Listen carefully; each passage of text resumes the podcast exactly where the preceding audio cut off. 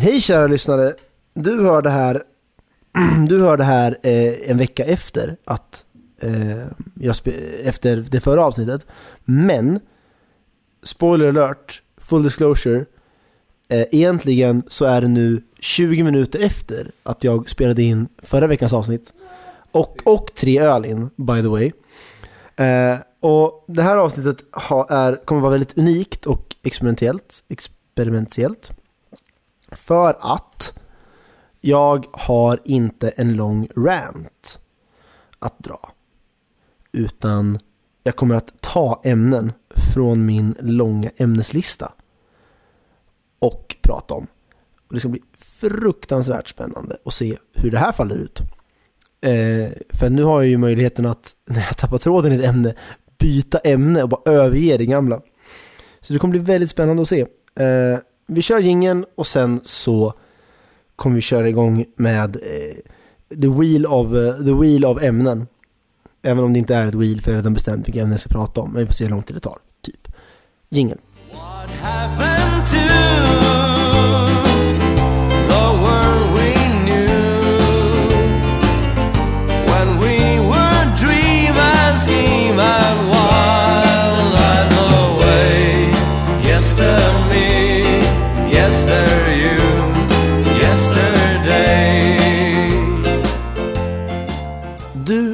Jag som lyssnar på det här. Ta, eh, eftersom du antagligen, du med största sannolikhet är min pappa.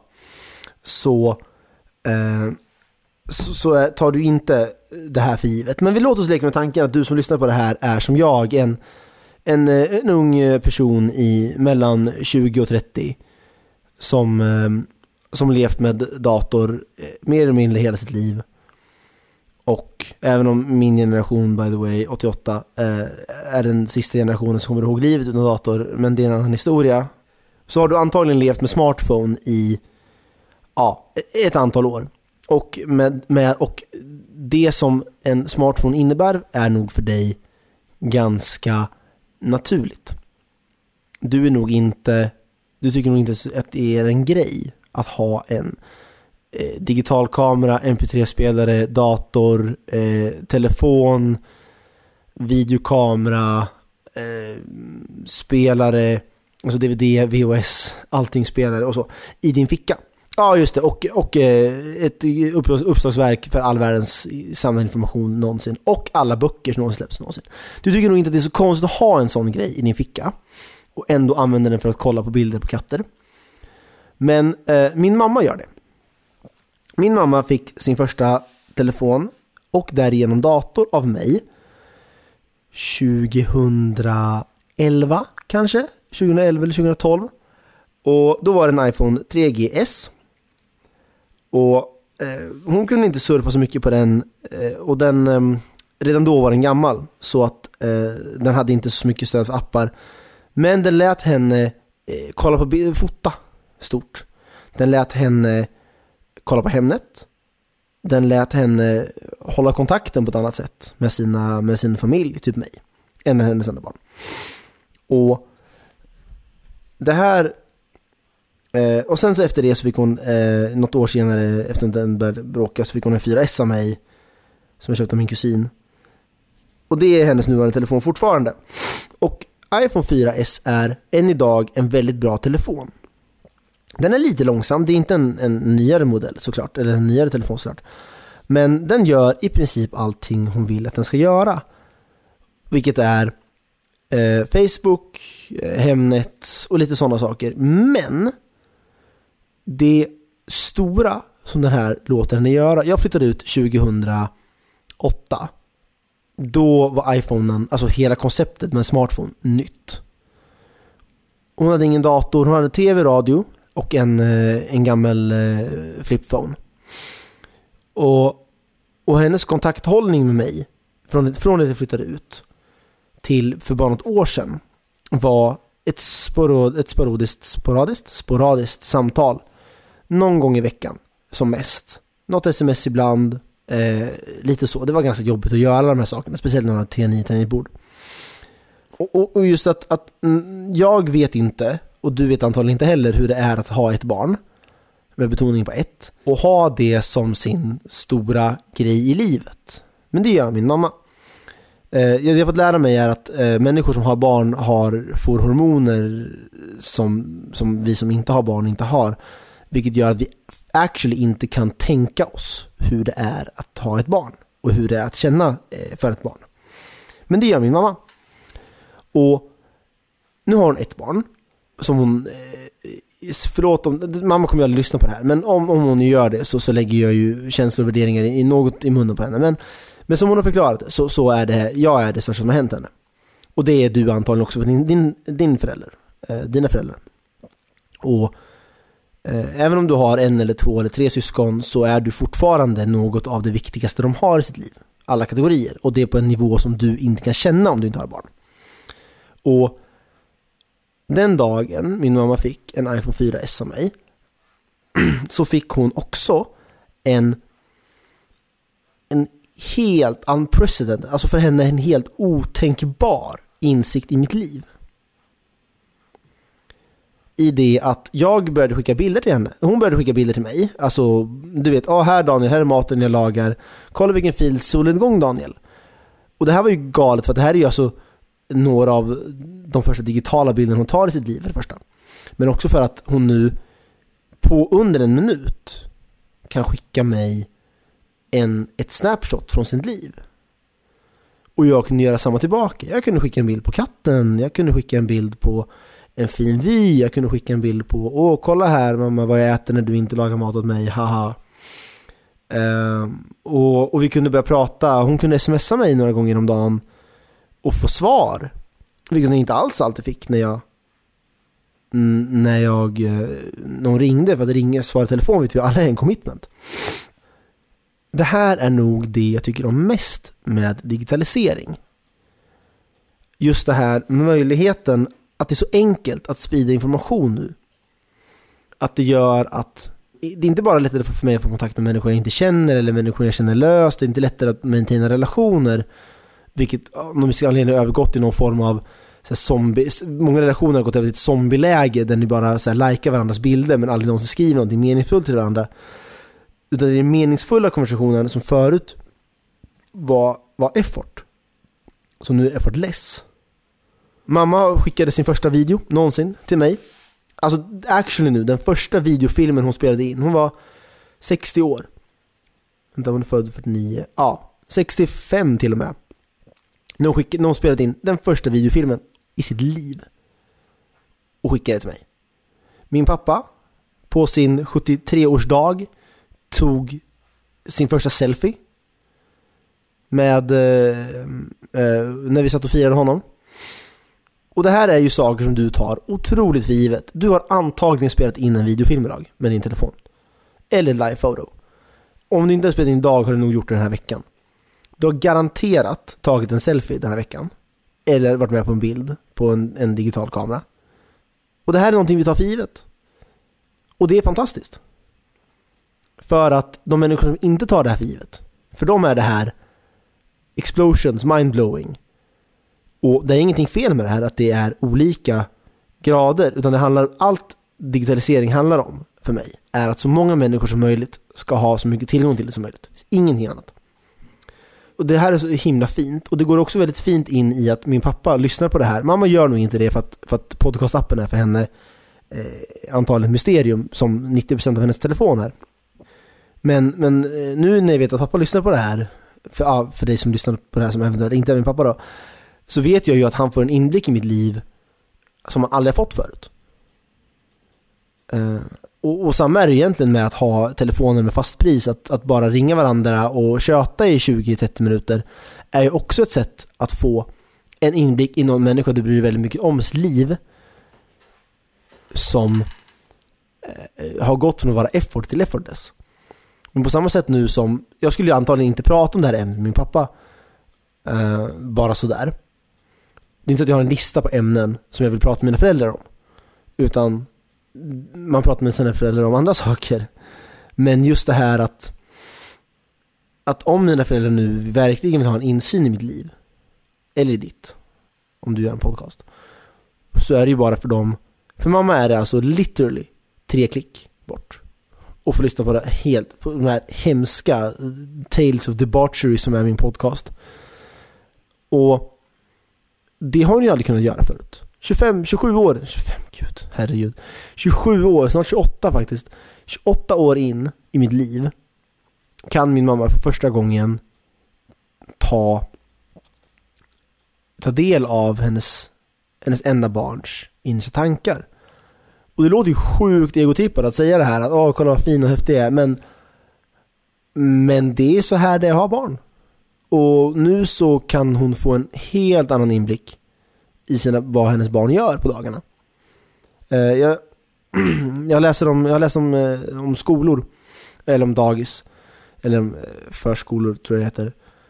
Dagförvaring är tydligen ett, ut, ett ut, utdaterat ord. Men de, de ehm, där, föräldrar, där lärarna tar bilder på barnen när de leker och filmar barnen när de leker och, och gör saker och skickar till föräldrarna.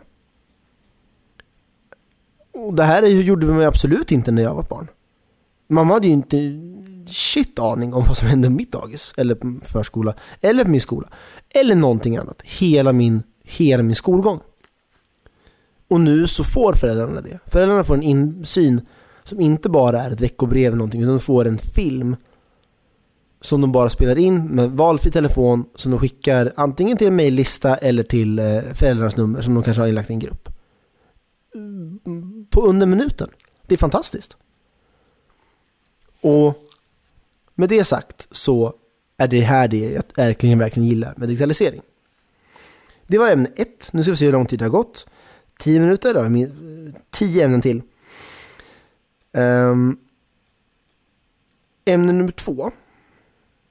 Gud, jag har så många ämnen här som är alldeles så här.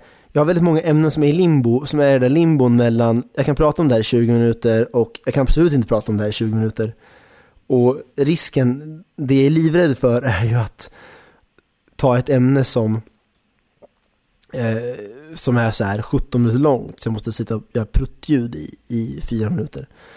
Eh, ämne nummer två är ett ämne som ligger mig väldigt nära till, till hands. Eh, jag tänker att vi ska få in två ämnen till här nu. Och det är eh, det finns två, en, två Facebookgrupper. Eh, där du själv nu som lyssnare får avgöra vilken som du tror var först eller inte. Men den heter, den första gruppen, ja, spoiler. Den första gruppen heter Fri diskussionsgrupp för människor utan skygglappar. Och japp, det är precis som du tror. Det är racist shit, alltihop. Men, och jag fick till reda på den här genom att Facebook föreslog mig eh, den här gruppen. Facebook föreslog mig mycket grupper, typ så här SD-singlar. Eh, och vi som gillar Volvo-bilar eh, och, och sånt liksom. Men Fri diskussionsgrupp för människor utan skygglappar kom, kom till min kännedom genom det här. Eh, och jag och mina vänner skrattade jättemycket åt det här för att det är ett väldigt roligt sätt att, det är ett väldigt roligt och bajsnödigt sätt att, att säga åh kolla här, låt mig vara rasist i fred typ. För att det är liksom såhär, åh kolla här vad, vad få skygglappar jag har, jag vågar prata om allting som PK-eliten inte vill att jag pratar om. Typ mycket jag hatar invandrare. Eh, och sen så finns det en utbrytargrupp ur den här gruppen som nu är större. Jag har följt den här utvecklingen väldigt noggrant och ut, den är nu större. Som heter Fri politisk grupp för ärliga människor utan skygglappar. Som verkligen, som tröttnade på all oärlig skit som var i Fri diskussionsgrupp för människor utan skygglappar. Och som beslöt sig för att göra någonting åt saken och som skapade sin egen grupp. Eh, För det är lite som splittringen eh, när eh, KF, KFML blev KFML och KPMLR eh, någon gång på sent 60-tal. Det är lite som den splittringen. Eh, att nu, den gamla gruppen klarade inte av att, att ta hänsyn till eh, vi som vill vara ärliga med vår rasistiska skit utan var bara en massa posers. Så här har vi eh, fri diskussionsgrupp för ärliga människor utan skygglappar. Fuck, eh, fuck PK-eliten. Fuck mainstream, lamestream media. Fuck feminazis. Eh, och jag tycker att det här är fantastiskt roligt. Eh, för att, tro det eller ej, men båda grupperna handlar om exakt samma saker. Och, det och den enda skillnaden är att det ena har, gruppen har ett längre namn än den andra. Och nu ska jag väl villigt erkänna att jag inte har satt mig in i någon av de här grupperna i och läst in mig på deras agenda eller på eh, vilka diskussioner som förs. För att jag har, jag vill, har inte hjärncancer, jag vill inte ha hjärncancer. Men eh, alla som skrattar åt, alla som skrattar åt eh, splittringen i vänstern måste ju, där måste ju också skratta åt splittringen i, mellan, av rasisterna. Där vissa, vissa människor som har eh, höger, eh, knäppa åsikter tycker att, tycker att deras åsikter i alla fall är ärliga. Och att de andra är oärliga posers. Jag tycker det är fantastiskt. Nu har, nu har jag berättat om det här. Jag vill, det här är egentligen bara en grej som jag vill berätta om för att jag vill sprida den här informationen till så många människor som möjligt. Och jag uppmanar er verkligen att gå med i de här grupperna och, och njuta. Eh, att, eh, min, kollega, min kollega David är med i en diskussionsgrupp som heter Att leva och bo i Skänninge utan skygglappar. Och det är eh, eh, lokal nyhet, lokal nyhet, lokal nyhet. Jag hatar invandrare och romer. Lokal nyhet, lokal nyhet. Fan för invandrare, lokalnyhet, lokalnyhet. Och David committade så hårt till den här planen att, att han faktiskt ändrade sin eh, vart han bor på Facebook till Skänninge för att få gå med i den här gruppen. eh, och om du ser en diskussionsgrupp som heter någonting, vad som helst plus utan skygglappar, då betyder det antingen att du ska, att du ska poppa din en bägare popcorn och, och, och get in for a treat, eller eh, bara spammarkera den och aldrig någonsin ta i det med tången. Det var ämne nummer två. Nu kommer jag dricka öl och, och ta en paus i flera sekunder och kolla upp vilket, eh, vilket ämne jag ska prata om härnäst. Vi ska prata om att hänga ut sig själv. Att äga sina misstag. Det här kan jag prata om i, i, i sex minuter till. Det är egentligen ett bättre ämne, men, men vi kan ta det här. Vi kan ta en kort version av det här. Nu, bara så att du är med på det här. Om du inte har sett filmen 8 Mile så vill jag att du slutar lyssna nu. Då är det tack för idag, jag heter Daniel, jag är bara en dude, etc. etc. Om du inte bryr dig om spoilers för filmen 8 Mile så lyssnar du nu. Och det finns, eh, hela den filmen handlar om rap battles, alltså att Eminem som är hu- huvudrollsinnehavaren i filmen växer upp i, i Detroit och är fattig och ledsen och, och allt hans liv är shit, hans mamma knarkar och hans kompis sköt sig i pungen med, med pistol av misstag och allting så. Och han vill ju göra karriär som rappare och för att göra det så måste du eh, rapbattla i, i någon underground-lokal i Detroit. Och, och i sista scenen i filmen så eh, ska han möta den bästa rapparen av alla, liksom, så han som eh, är kortad av eh, alla de stora häftiga så liksom. Och, och Eminem får börja och rappa. Och, och eftersom att eh, rap battles, för dig som inte vet, handlar om att dissa varandra. Det handlar om att, att rimma och dissa varandra samtidigt. Och att bara berätta skit om den andra. Och det Eminem gör istället för det. Och if you don't play the game, you don't lose. Det han gör istället är att dissa sig själv. Han spenderar sina två och en halv eller vad det är minuter med att bara berätta all skit som händer i hans liv. För, eh, för hela publiken, tusentals men nej, några hundra pers i lokal liksom. Och avslutar med Now tell them something they don't know about me. Och släpper micken. Och den andra killen står kvar några sekunder och vänder sig om och går. Det finns ingenting, verkligen, jag vill verkligen vara väldigt tydlig med det här nu. Det finns ingenting med 8 Mile som är värt att ta med sig utom den scenen. Det är en film helt utan sensmoral. Oj, vad, vad hårt jag dissar den. Eh, det är inte en så bra film. Den scenen är, det är som Alec Baldwins um, Always Be Closing-scen. Det är att han inte fick en Oscar, han fick en Oscar för musiken, vilket är för mig fel. Så man väljer en Oscar så är det fan bara den scenen. Best, best scene borde finnas en, en Oscar för. Men det att ta med sig handlar om att äga sina misstag, äga sina fel. För att människor kommer alltid någonsin att lista ut. Dina, den skiten du har gjort i ditt liv kommer förr eller senare alltid att komma tillbaka till dig. Speciellt i, i denna era av sociala medier. Att om du när du var 16 skrev eh, en ordet till exempel på din Facebook så kommer någon en dag att, att se det. Om du väljer att ge dig in i en väldigt publik eh, position till exempel. Och, och just sensmoralen att bara alltså vara den första, första på bollen, äga dina misstag, vara den första som säger Hej, I did this, I fucked up, är otroligt kraftfullt tror jag. Eh, om jag någonsin hamnar inför konstitutionsutskottet inför en statsrådspost eh, eller hamnar i den berömda SR-intervjun som du har innan du tillträder som statsråd så lovar jag att ha med att skriva, innan jag, eh, innan jag ska på det, så lovar jag att skriva ut allt skit jag någonsin har gjort. I, i ett, ett block liksom. Och bara så här. Och de bara, men Daniel, har du någonsin gjort någonting, eh, någonting dumt? Fan you should ask. Här har du den här tiosidiga eh, eh, listan med allt, eh, allt jag tycker är dumt jag någonsin gjort. Från att jag var 13 till tills nu. Now tell them something they don't know about me. Så äger man sina misstag. Och sen så kan du såklart få frågor om det. Och du kan eh, få påpekningar om det. Och då kan du säga ja, mm, I did that. Det var dumt. Eh, men jag försöker inte hålla det hemligt för dig. För det, kära lyssnare, är det värsta du kan göra. Det värsta är aldrig misstaget. Det värsta, ja, såklart eh, finns det undantag till det. Det värsta är oftast inte misstaget. Det värsta är när du försöker hålla det hemligt. Det finns många exempel på det här. Framförallt nu när jag spelar in det här i maj 2016 ni har haft fyra veckor av miljöpartikris som kommer av att de inte har pratat om sitt skit. Utan trott att de skulle kunna hålla det hemligt resten av sina liv. Du kan antagligen inte hålla, saker, hålla allt skit du gör hemligt. Alltså ska du nog inte försöka.